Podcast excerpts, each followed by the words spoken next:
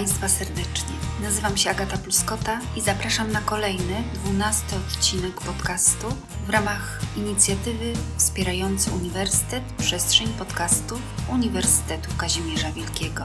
Dzisiejszy odcinek poświęcony jest bardzo trudnemu, ale również bardzo ważnemu tematowi. W jaki sposób my dorośli możemy eliminować ryzyko zachowań samobójczych dzieci i młodzieży? Odpowiemy na pytania, co jest przyczyną tych zachowań?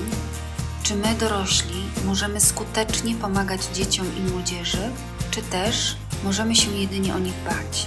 Ten ważny temat wprowadzi nas pan doktor habilitowany Jacek Szczepkowski, profesor Uniwersytetu Kazimierza Wielkiego, zatrudniony na Wydziale Pedagogiki UKW.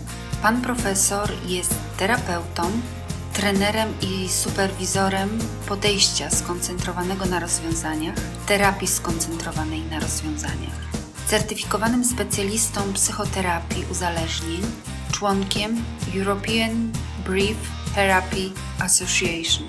Ma w dorobku książki, artykuły i opracowania dotyczące metodyki terapii skoncentrowanej na rozwiązaniach, wśród nich terapię młodzieży z problemem narkotykowym, podejście skoncentrowane na rozwiązaniach, praca socjalna, podejście skoncentrowane na rozwiązaniach, resocjalizacja młodzieży uzależnionej oparta na potencjałach w poszukiwaniu rozwiązań instytucjonalnych. Pan profesor jest również założycielem i wieloletnim kierownikiem całodobowego młodzieżowego oddziału leczenia uzależnień, pierwszego w Polsce stacjonarnego ośrodka dla osób uzależnionych, pracującego w oparciu o terapię skoncentrowaną na rozwiązaniach. Prywatnie pan profesor uwielbia żeglarstwo, turystykę górską, sport i ogrodnictwo. Zapraszam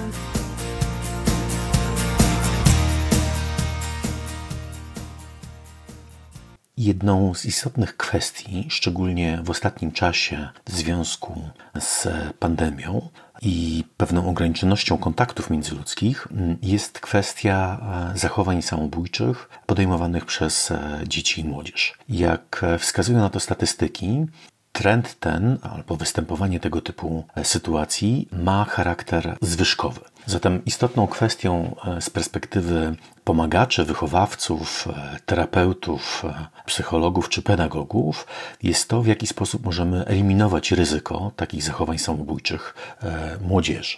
I w dzisiejszym nagraniu chciałem trochę Państwu opowiedzieć o tej perspektywie. Otóż e, bardzo często sama kwestia zachowań samobójczych budzi dużo lęku, niepokoju i wątpliwości po stronie tych, którzy z założenia mają przeciwdziałać tego typu zjawiskom, czyli pochowawców. I jeśli chodzi o to, co robić w takich sytuacjach, to pewną podpowiedź stanowi już sama definicja zachowania samobójczego. Otóż według Scotta i Armsona zachowanie samobójcze jest wyrazem ekstremalnego stresu. To jest punkt, w którym brak jest wizji przyszłości, gdzie różne aspekty życia wydają się bezsensowne lub przygniatające tak, że nie ma szans na skuteczne poradzenie sobie, a jedyną możliwością jest całkowita i ostateczna destrukcja siebie samego. Jeśli bliżej przeanalizujemy tą definicję, to widzimy tam dwa kluczowe elementy. Brak wizji przyszłości. Zatem jest to taki moment, gdzie brakuje danej osobie nadziei na możliwość skutecznej zmiany. Jest polskie przysłowie, które mówi o tym, że nadzieja umiera ostatnia. Zatem jeśli nie ma nadziei, to nie ma już nic. A drugi kluczowy element tej definicji to jest brak szans na poradzenie sobie. Ten element z kolei wskazuje na kwestię kompetencji, na kwestię umiejętności radzenia sobie w takich sytuacjach, których doświadcza dana osoba. Zatem odwracając niejako te elementy, moglibyśmy powiedzieć tak: rozwijanie wizji przyszłości i zwiększanie skutecznych sposobów radzenia sobie jest pewnym drogowskazem czy kierunkiem pokazującym, w którą stronę mogą pójść oddziaływania przeciwdziałające czy eliminujące ryzyko samobójstw e, dzieci i młodzieży. Oczywiście e, podejść czy sposobów myślenia na ten temat jest wiele, tak samo jak wiele jest różnych nurtów i modeli pomagania. Dość powiedzieć, że aktualnie w tej perspektywie właśnie pomocowej mamy do czynienia tyloma różnymi modalnościami, czy tyloma różnymi modelami pomagania, że nie jesteśmy w stanie już tego nawet skutecznie policzyć. I analogiczna sytuacja jest z tym, co się dzieje w świecie muzyki. Nie ma już takich dziennikarzy muzycznych, którzy orientują się we wszystkich gatunkach, rodzajach i podgatunkach muzyki. Nie jesteśmy w stanie przesłuchać wszystkich nagrań, utworów czy płyt codziennie e, wydawanych, czy to w systemie garażowym, czy domowym, czy studyjnym na całym świecie. Bardzo podobna jest sytuacja w dziedzinie pomagania. Modeli i nurtów terapeutycznych moglibyśmy z dużą dozą prawdopodobieństwa określić, że jest powyżej tysiąca na świecie. Nie jesteśmy w stanie już tego poznawczo nawet w jakiś sensie ogarnąć czy sklasyfikować w pełni. I oczywiście e, te modele będą różnicowały sposób pomagania w różnych sytuacjach problemowych, w tym również w sytuacjach, kiedy dana jednostka, czy dziecko, czy, czy młody człowiek zagrożony jest samobójstwem. Ja dzisiaj opowiem Państwu o takiej perspektywie, która związana jest z podejściem skoncentrowanym na rozwiązaniach albo z modelem terapii skoncentrowanej na rozwiązaniach, którą uprawiam od e, ponad 20 lat. Zajmuję się, zgłębiam, uczę się tego, ale też uczę innych. Biorąc pod uwagę te różne możliwości podejmowania działań, generalnie z dużym uproszczeniem moglibyśmy je w jakiś sposób zawęzić do dwóch takich e, głównych obszarów. Z jednej strony mamy do czynienia z pewnymi działaniami, które mają na celu ocenę ryzyka i bardzo często pomagacze, wychowawcy, terapeuci skupiają się na tym aspekcie.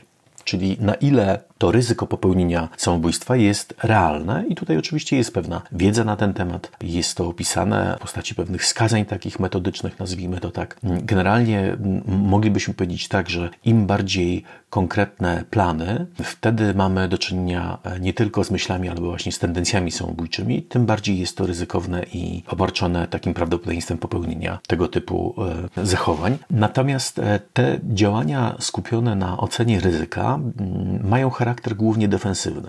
Czyli służą trochę z jednej strony zabezpieczeniu oczywiście danej osoby, a z drugiej strony upewnieniu się i troszkę odbarczeniu z takiej odpowiedzialności za tego typu ewentualne zachowania młodych ludzi. Natomiast jest też inny rodzaj działań, która, które skupiają się na szerszej perspektywie zmiany. Jeśli przyjmiemy za dobrą monetę tą definicję, którą przed chwileczką Państwu e, przytoczyłem, i skupimy się na z jednej strony budowaniu pewnej wizji zmiany, takiej wizji zmiany, która jest pożądana przez daną osobę, i z drugiej strony będziemy budować, czy koncentrować się na budowaniu jej kompetencji, które mogą służyć do realizacji takiej wizji, to tak naprawdę odwracamy ten trend myślenia, czy pęd ku samobójstwu, e, bo rozwijamy pewne rzeczy, które stoją w sprzeczności z tym. Zatem perspektywa pewnych oddziaływań skupionych na szerszej zmianie wydaje się być e, równie użyteczna. No i tutaj dochodzimy do pewnego również dylematu, który znajduje zastosowanie w takim szerszym ujęciu społecznym, mianowicie profilaktyka tego typu postaw i zachowań młodzieży. Też profilaktyka, ja nie lubię tego słowa, dlatego że profilaktyka generalnie jest, czy koncentruje się wokół pewnych programów, projektów, e, jakichś akcji. Jest to zarówno perspektywa jednostkowa, skupiona na jakimś wymiarze pewnych oddziaływań, a z drugiej strony na określonych problemach, czyli służy to pewnemu przeciwdziałaniu problemom. Tymczasem doświadczenia pokazują, że to nie programy zmieniają ludzi. To nie jest tak, że programy można multiplikować i powielać w różnych kontekstach i one będą przynosiły zawsze taki sam efekt czy skuteczność. Tak naprawdę oprócz programów jest coś dużo bardziej ważnego, mianowicie w każdym kontekście takim instytucjonalnym, na przykład szkole, placówce jakiejś opiekuńczo-wychowawczej, ośrodku terapeutycznym, tak naprawdę oprócz programu, który jest realizowany w tych miejscach, najważniejsze wydają się, przynajmniej wydaje się, że najważniejsze są rozmowy, jakie mają miejsce pomiędzy, przed, po, obok, w trakcie określonych sytuacji czy zdarzeń. Także te, które mają charakter bardzo nieformalny i dotyczą pewnych interakcji pomiędzy wychowawcami, opiekunami czy dorosłymi a dzieciakami. Zatem również badania w obszarze skuteczności psychoterapii i takich oddziaływań pomocowych pokazują, że to nie modele, to nie techniki czynią największą różnicę, a właśnie relacje. Relacja wydaje się być kluczowym czynnikiem do budowania pewnej wizji zmiany. I ta relacja nie tylko podczas formalnych właśnie spotkań, tylko szczególnie zwracam i podkreślam uwagę tego, co się dzieje gdzieś w międzyczasie tak zwanym. Ale oczywiście e, to, w jaki sposób budujemy relacje, w jaki sposób podtrzymujemy te relacje, nawiązujemy je, będzie w dużej mierze zależne od naszego sposobu myślenia, tego, co uznajemy za ważne i co w jakiś sposób wpływa na to, co robimy jako wychowawcy, opiekunowie czy dorośli. Zatem to jest pytanie o to, na czym jesteśmy skoncentrowani w takiej sytuacji pomocowej, czy w, czy w relacjach pomocowych, edukacyjnych czy wychowawczych. I oczywiście te założenia mogą być bardzo różne i na gruncie e, podejścia skoncentrowanego na rozwiązaniach wychodzimy z założenia, że ludzie w sposób ciągły tworzą siebie w relacjach z innymi i samym sobą, ale też w pewnym kontekście, w którym to ma miejsce. I tutaj jest e, odwołanie do idei tożsamości narracyjno-relacyjnej. Nie będę e, rozwijał tego wątku, natomiast moglibyśmy tak bardzo skrótowo powiedzieć, że ta tożsamość nie jest produktem skończonym. Ta tożsamość zmienia się wraz z doświadczeniami, których, które stają się naszym udziałem i budowaniem pewnych opowieści na temat tych doświadczeń. Dlatego, że to nie same doświadczenia mają tutaj e, znaczenie, ale pewien rodzaj opowieści czy narracji, jakie związane są z tymi doświadczeniami. Nasza e, ostatnia noblistka w swojej mowie e, noblowskiej powiedziała, że zdarzenia nieopowiedziane ulegają zapomnieniu. Zatem to nie jest tylko sama kwestia tego, co jest udziałem dzieciaków, młodzieży czy dorosłych w ramach pewnej przestrzeni edukacyjnej, szkolnej czy terapeutycznej, ale głównie o tym, z czym mamy do czynienia, rozstrzyga znaczenie, jakie różne strony tej relacji nadadzą tym sytuacjom, tym zdarzeniom. Drugie założenie odnosi się do postrzegania sytuacji problemowych. Otóż w podejściu skoncentrowanym na rozwiązaniach nie koncentrujemy się na samej diagnozie, nazywaniu pewnych psychopatologicznych aspektów funkcjonowania ludzi, a raczej problemy traktujemy jako utknięcia. Utknięcia w jakiejś sytuacji, które przeszkadzają danym osobom realizować taką wizję, jaką chciałyby mieć. Czyli te utknięcia są pewnego rodzaju przeszkodą, powodują, że dane jednostki tracą nadzieję na możliwość zmiany. Ale jest też trzecie założenie, bardzo optymistyczne, które powiada, że ludzie posiadają wystarczające zasoby, aby zachowywać się inaczej, natomiast ich sposób myślenia o sobie i swoim zachowaniu powoduje, że przestają je dostrzegać. Zatem Zasoby są w nich szeroko rozumiane, ale zadaniem pomagaczy, dorosłych wychowawców czy terapeutów jest pomóc im dostrzec te zasoby i umożliwić im korzystanie z tego, czym dysponują. W sobie, ale też wokół siebie, bo kategoria zasobów jest bardzo pojemna i duża. Oczywiście istnieje wiele różnych klasyfikacji, ale możemy spojrzeć na zasoby właśnie z tej perspektywy jednostkowej bądź szerszej, kontekstualnej. Jednostkowe to będą wiem, pewne cechy, pewne umiejętności, pewne zachowania, wartości, a zewnętrzne zasoby to mogą być zasoby instytucjonalne, ludzie, relacje, zasoby materialne. To wszystko, co może służyć na drodze do zmiany danej osoby. Możemy też mówić o zasobach z perspektywy osi temporalnej, czyli zasobach wynikających z teraźniejszości, ale też z przyszłości, na przykład kwestia planów, marzeń i z przeszłości, pewnych doświadczeń, niezależnie od tego, czy one miały charakter pozytywny, czy negatywne, mówiąc w sposób taki kolokwialny. Zatem dzieciaki posiadają, nie tylko, że to dzieciaki, posiadają zasoby, które mogą być niezbędne i potrzebne do tego, żeby dokonać pewnej zmiany w swoim życiu. Czwarte założenie pomocne mówi o tym, że zmiana to czas eksperymentowania. Zmiana nie ma charakteru prostolinijnego, ciągłego. Zmiana to e, wzloty i upadki. Zatem nawet zrobienie kroku do tyłu nie oznacza stania w miejscu. Dwa razy do tej samej rzeki się nie wchodzi, jak mawia polskie porzekadło. Zatem warto zwrócić na to uwagę, że postępy mogą być e, obarczone również pewnym ryzykiem regresu. No i ostatni element, czy ostatnie założenie, to jest e, kwestia kluczowa, wydaje się.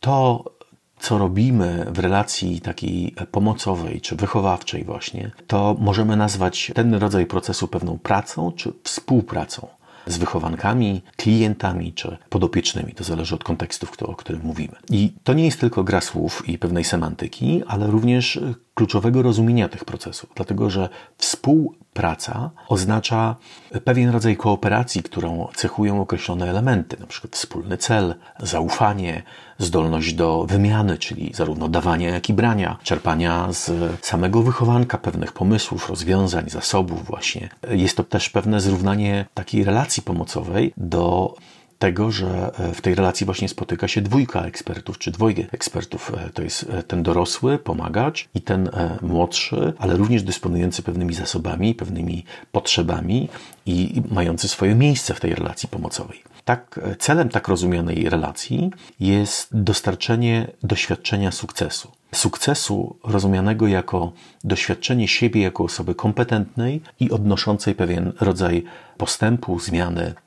Jeśli weźmiemy pod uwagę zatem te wszystkie pięć elementów kluczowych, to związanych z pewnymi założeniami, to ten rodzaj myślenia przekłada się również na pewne działania, które będziemy podejmowali. Generalnie pewne założenie o profesjonalizacji oddziaływań takich wychowawczych, terapeutycznych czy, czy resocjalizacyjnych zakłada to, że musisz być świadomy, co robisz. Czyli musisz wiedzieć, dokąd zmierzasz w konkretnej rozmowie, w konkretnym spotkaniu z daną osobą.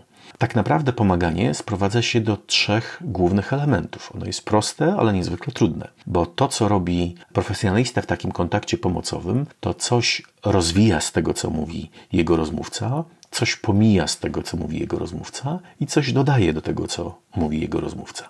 Zatem e, pomaganie można zredukować do trzech prostych czynności, ale oczywiście to, co pomijamy, to co rozwijamy i to co dajemy, dodajemy, będzie wynikało z pewnego sposobu myślenia, czyli z pewnych ram również poznawczych, którymi opisujemy proces pomagania. I to będzie zależne od modelu, sposobu pomagania i myślenia na ten temat.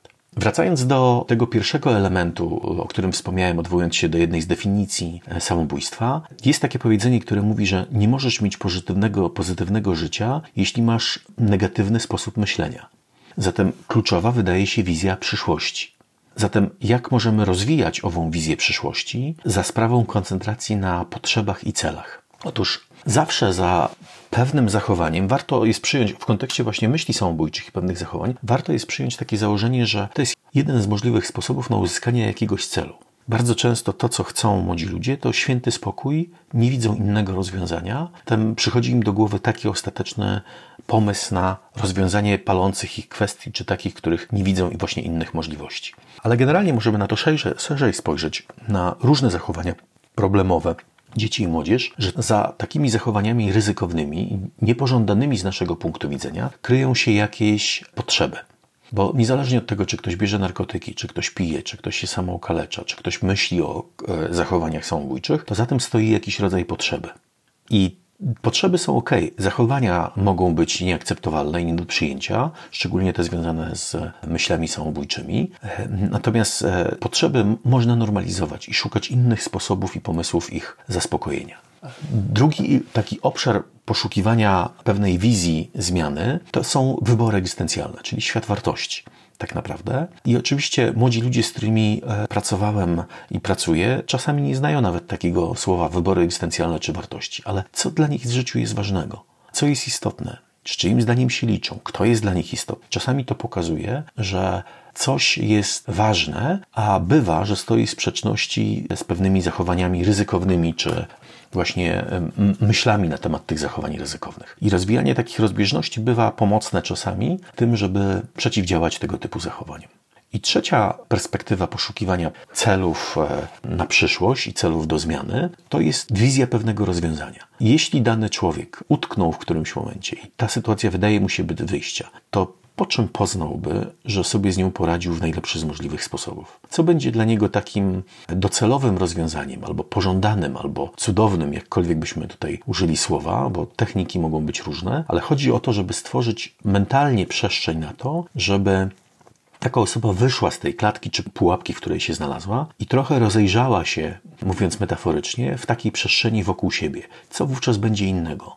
Zatem te wszystkie trzy perspektywy, poczynając od e, potrzeb związanych z zachowaniami niepożądanymi, po e, rozwiązanie i wartości, służą temu, żeby budować pewną wizję preferowanej rzeczywistości. Taką, którą dany człowiek chciałby uzyskać, albo która byłaby dla niego zadowalająca czy pożądana. Już sam fakt budowania takiej wizji może być e, istotnym czynnikiem przeciwdziałania zachowaniom niepożądanym.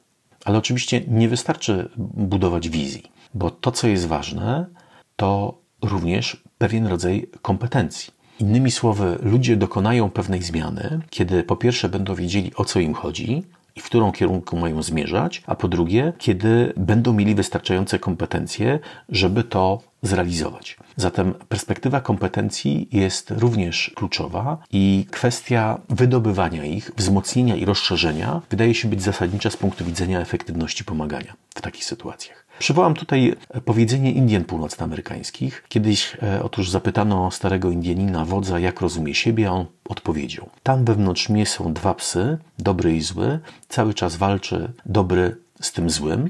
Zapytany, który z nich wygrywa, zastanowił się chwilę i odpowiedział: Ten, którego lepiej karmię.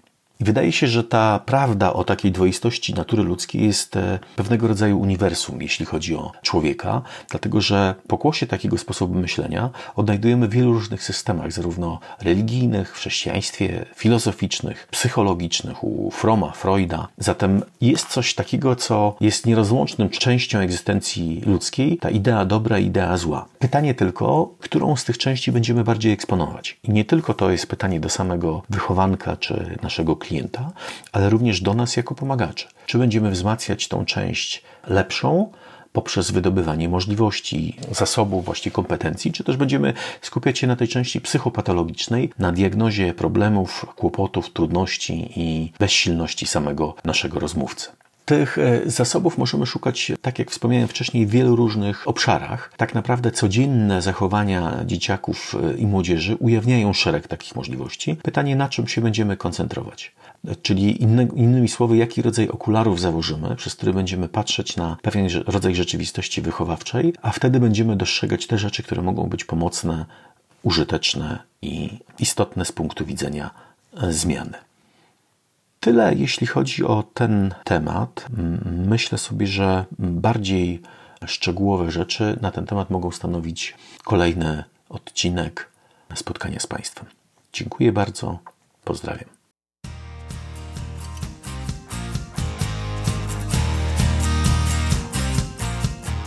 Serdecznie dziękuję panu profesorowi za poruszenie tego trudnego i wymagającego tematu.